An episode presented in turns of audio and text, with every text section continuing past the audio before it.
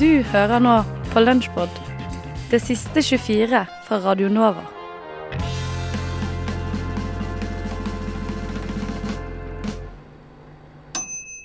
Det skal handle om utvandring. Nærmere bestemt svenskenes utvandring. Ja, Svenskene forlater nå Norge, ifølge nettoinnvandringstall fra SSB. Men hvorfor? Hvorfor? For å komme til bunns i dette har vi tatt kontakt med en av utflytterne, som nå er på tråden direkte fra Sverige. Sven Sjorven Dennisson, er du der? Ja. Du er en av mange som nå velger å flytte tilbake til Sverige. Hvorfor velger du det? Nei, det er vel for at det ikke lenger er økonomisk fordelaktig for meg å bo i Norge gentemot Sverige. Ja, så det handler bare om penger? Ja, det handler vel egentlig bare om penger. Ja, Vi betydde ikke mer? Hva mener du? Uh, jeg, jeg, jeg tror det Benedikte mener, er at vi eh, Vi hadde en fin greie gående. Eh, vi var vel naive nok til å tro at det faktisk handlet om ja, mer enn bare penger. Altså, det har jo vært helt greit, som du skulle sagt. Jeg har truffet mye skjønne folk og de fleste er vel svensker, forstås. Det føles bare litt som om vi blir kastet som gårsdagens avis, bare fordi oljeprisen er nede. Vi har jo mange andre ting å by på. Ja, hold roen, Benedikte. Ja, men Christian, du tror du kjenner noen, liksom, og så bare mm. Nei, nei, du behöver inte ta det personligt. Eh, Ni har å være der. Ja, vi, vi bare føler oss litt brukt. Det, sånn, det må du forstå. Alltså, vi har kanskje tröttnat på alle lag jeg må ut og skjemt. Jeg har tenkt tänkt på det eller? Jeg vil ha de siste ti årene tilbake. Ja, jeg med. Jeg sier som popgruppen a-ha sin berømte låt Money, money, money. Der, altså. Ja, For første gang gir det liksom mening, det Morten Harket mente med The Winner Takes It All.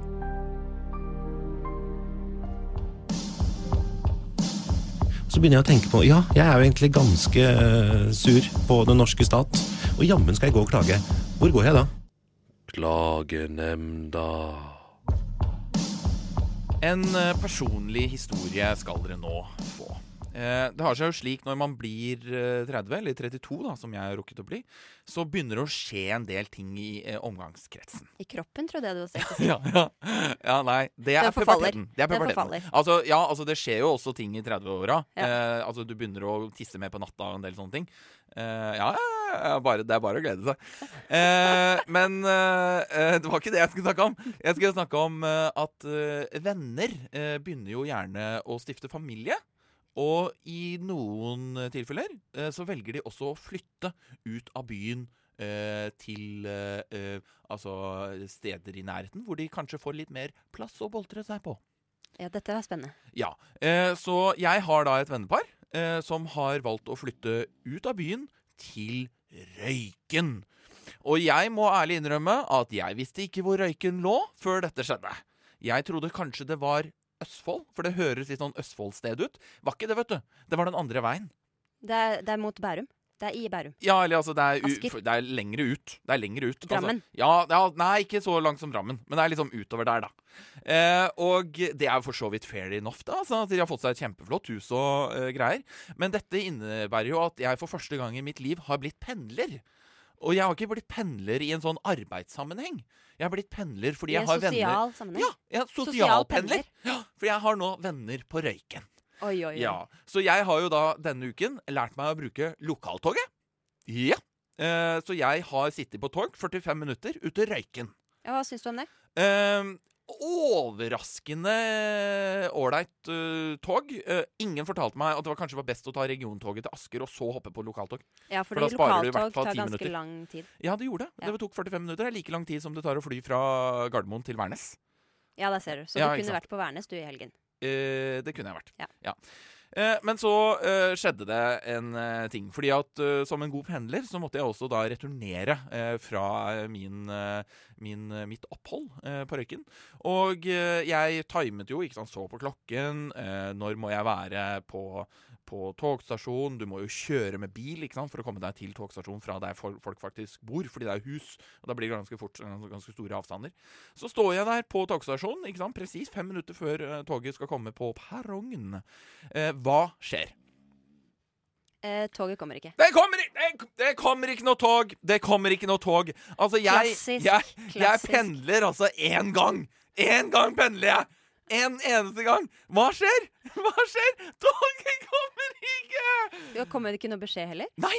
Og det var det. Altså, Greia er at jeg har latterliggjort pendlere nå i eh, 20 år, 20 år. minst. 20 år har jeg latterliggjort pendlere fordi de står på Jernbanetorget er like forbanna hele tiden. Og jeg er litt sånn Nei, dette må dere da forvente. Altså, Dere kan jo ikke være så sur så ofte, tenker jeg. Altså, Dere får jo informasjon, og så kommer det noe buss, og så kommer det noe gårde til Røyken og hvor enn dere skal. Så skjedde det meg. Og, og, Og da og, føles det ja. helt forferdelig innvendig. og da er jeg Hvor er informasjon? Det må da være mulig å få opp noe på det høyttaleranlegget! Altså fortelle hvorfor det har vært stopp og greier. Var du inne på noen nettsider og sjekka sånn Eh, Nei, Nei, eh, det var jeg ikke. Eh, så eh, det er jo sånne ting jeg ikke vet om. Eh, fordi jeg ikke tar toget. Jeg er jo ingen pendler. Jeg har jo først blitt det nå. Nei, Og du er jo heller ikke liksom, journalist som vet å gjøre research. Nei, ikke sant? Eh, så jeg kom nå meg til slutt på det toget, som var da ikke mindre enn 20 minutter forsinket! Og eh, vel om bord i toget så kom det jo da eh, for øre eh, på anlegget at eh, toget er 20 minutter forsinket grunnet strømstans! Altså, hallo! Det må da være mulig å sørge for at Og, og, når strømmen går, skru nå på sikringen igjen, da! Altså, hvor, van hvor vanskelig kan det være? I verdens rikeste land. Altså, det er Jeg beklager. Men dette her er uh, Nei, du beklager ikke, du klager. Jeg klager. Det er, men det er bare rett og slett veldig opprivende. Uh, fordi jeg trodde ikke Jeg trodde ikke dette skulle skje med meg.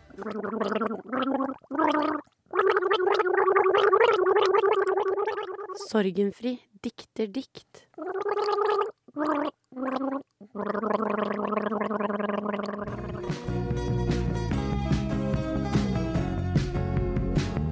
Vi sitter på nattbussen hjem, og du sier at jeg er en rein sjel og ei smart jente fordi jeg kunne definere begrepet feminisme. Men hva faen betyr det, liksom? Ikke tro at jeg tror på energier i saltstein og mineraler, eller at jeg veit sannheta fordi jeg har lest utdrag av Nietzsche og alle seks bind av Min kamp, eller fordi jeg har skrevet noe overfladisk om Gadamer på eksamen en gang. For sannheten er jo at jeg møtte deg på Deli de Luca i kalsonekø, og jeg tulla med at jeg ville ha varm sone, ikke kald sone. Jeg håper at jeg glemmer dette her i morgen, og takk og lov for det. Så jeg putter øreproppen i øra og setter opp ei låt for å unngå å prate med flere passasjerer. For jeg vil bare hjem og spise den calzona i fred og ro. Skylle dagen ned med Mozell og Paradise Hotel.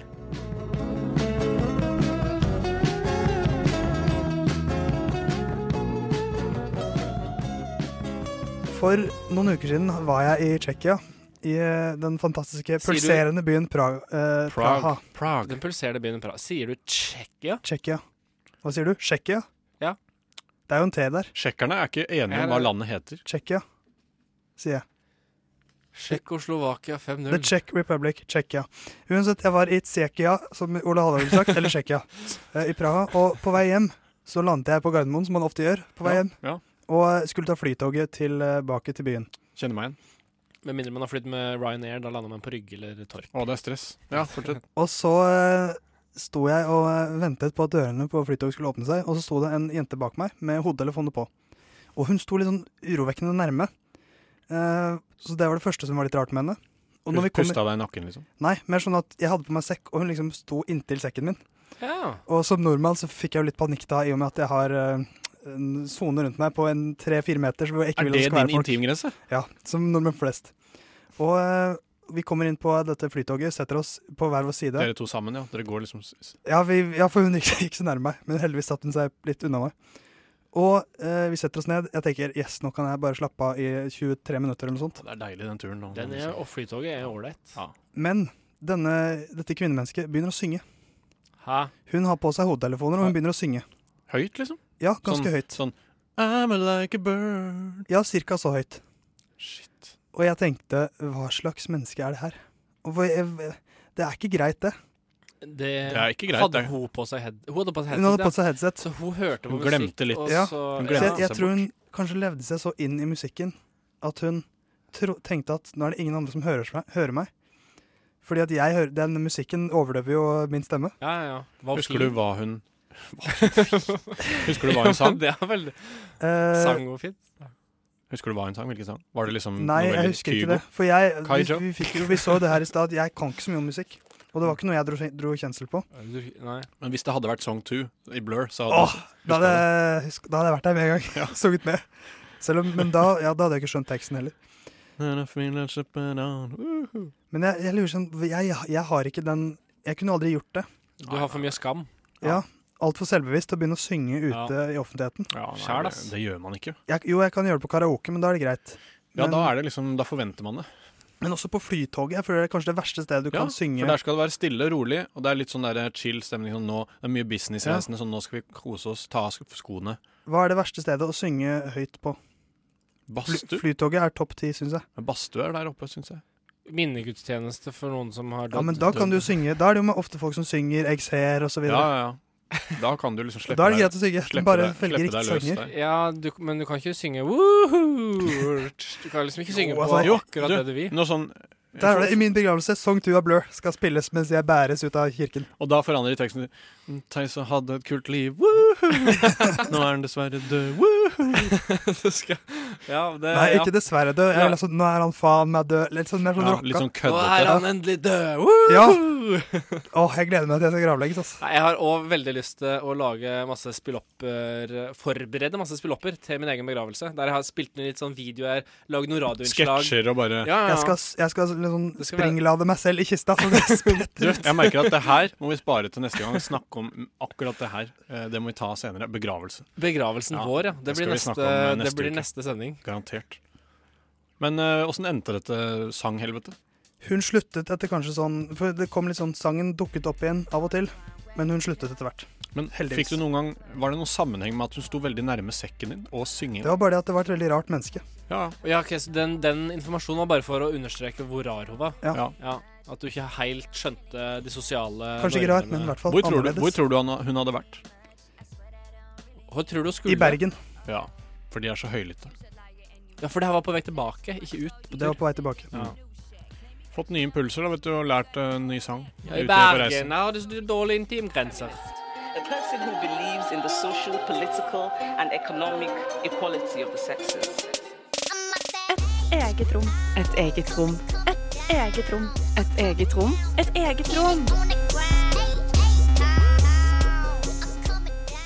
Og nå har vi fått besøk i studio. Velkommen hit, Elise Dybvik. Du er redaktør for det feministiske nettidsskriftet Under arbeid. Og i november 2015 så skrev du en kronikk som ble publisert i Natt og Dag, der du har et litt sånn kritisk blikk på populærfeminisme, og annet skriver at eh, med sin appellerende innpakning og sitt vage innhold har også populærfeminismen vist en manglende evne til å kommunisere med kritiske røster. Vi kan kanskje begynne med hva var det som eh, inspirerte deg til å skrive den kronikken her? Eh, ja, eh, nei, det var vel eh, Jeg i England, og der er disse debattene rundt populærfeminisme og det politiske som forsvinner, eller hvor mye det er til stede, den står mye sterkere enn i Norge. Og så kom denne debatten mellom Kvinnefronten og eh, transaktivister i Norge. Så jeg følte jeg hadde litt av det samme med at du har som sagt populærfeminismen, så har en veldig sterk utbredelse, står veldig sterkt, eh, som på en måte da har enkelte ekskluderende elementer i seg. Og så når kanskje mer marginaliserte grupper prøver å ta til orde og uh, f.eks. problematiske framstillinger av de da i mediene, så, så blir ikke det hardt nødvendigvis i populærfeminismen. Men hvordan definerer du populærfeminismen da, sånn som du bruker det? Uh, populærfeminismen er den en kommer over i, i mediene og på sosiale medier. Uh, det er den som på en måte Når en snakker om likelønn i Hollywood, så er det gjerne populærfeminismen en bruker. Um, og en kan også, Det er mange trekk mellom populærfeminisme og det en kan kalle postfeminisme. uh, som på en måte insinuerer at kvinnekampen som sådan er over, og nå gjenstår det mer på en måte de personlige aspektene av feminismen. at Selvrealisering og uh, f.eks. tanker om at du kan gjøre hva du vil eh, om du er kvinne, men allikevel ser ikke at uh, det er Ja, erstatter rett og slett den sosiale endringen med den individuelle endringen. Mm.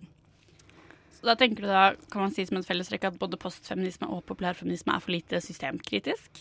Ja, eh, det kan en absolutt. Og fordi de har dette at for at populærfeminisme skal bli populær, så må en ikke støte ut noen. Og da er det gjerne det politiske og det kritiske som forsvinner, og så blir det mer den eh, realisere deg sjøl, eller em, ja, fokuser rett og slett på, på det individuelle planet i stedet. Mm. Men sånn som i, eh, i hvis man tenker på sånn populærfeminisme, sånn som det som skjer i USA og sånn, Mm. så har det jo vært en del uenigheter innad i populærfeminismen, sånn som eh, eh, mellom Nikki Minaj og Taylor Swift og sånn. Kan det være eksempler på at, at populærfeminisme også kan være flere, flerstemmig? Ja, absolutt. Og det, det, er et veldig godt eksempel, for det var også et eksempel der Taylor Swift eh, tolka Nicki Minaj sin kritikk av eh, nominasjonen på eh, ja, eh, MTV Music Awards eh, som at eh, Nicki Minaj ikke var for søsterskap med å kritisere hvor hvitt egentlig det var. Og tok det som en personlig fornærmelse. Og så så du òg at de store mediene tok umiddelbart Taylor Swift sin side. Og kunne ikke ta, se hva Nikki Minaj prøvde å gjøre med en mer systemkritisk form, der populærfeminismen sliter nettopp med dette med representasjon av f.eks. svarte kvinner i musikkbransjen. Mm. Så der, der gjør en kjempe, kan det være kjempemye å hente. Mm. Du skriver litt om sånn hvit middelklassefeminisme. Mm. Så jeg bare lurer litt på egentlig hva, hva det er. Hva er liksom definisjonen på det? At er det sånn at populærfeminismen er hvit middelklassefeminisme? På sett og vis der er deler av den som er det. At en kan si at eh, populærfeminismen er for de som allerede er privilegerte. Eh, som på en måte det er de som passer mest inn. Eh, et annet eksempel er når den suffragettefilmen hadde premiere. Så var det mange som reagerte på at um, castet stilte opp i hvite T-skjorter der det sto 'Better rebel than a slave'. Eh, hvite, hvite skuespillere, som igjen følte veldig ekskluderende for svarte kvinner, f.eks. Sånn at det har dette elementet i seg at har du det greit, så er det en veldig appellerende type feminisme. Uh, mens på en måte ser ikke ting sånn som f.eks. seksualitet eller uh, etnisitet og sånne ting, og de òg spiller inn i, i, den du er, og den du blir behandla som i samfunnet. Mm. Forstår jeg deg rett da som at du tenker at, eh, at kommersielle krefter og medier og sånt er med på å drive eh, fram en sånn feminisme som blir ekskluderende? Som velger å uh, snakke om ting som kan være ekskluderende? Ja, jeg tror absolutt det. fordi det er Når en skal gjøre det veldig veldig generelt, så går gjerne det på bekostning av de mer spesifikke eh, elementene i samfunnet som som ekskluderer. Og da er det spesielt dette med, med de litt mer problematiske sidene som ikke er like kjekke å snakke om, som f.eks. at uh, du skal være deg sjøl. Um, så det er absolutt. Mm.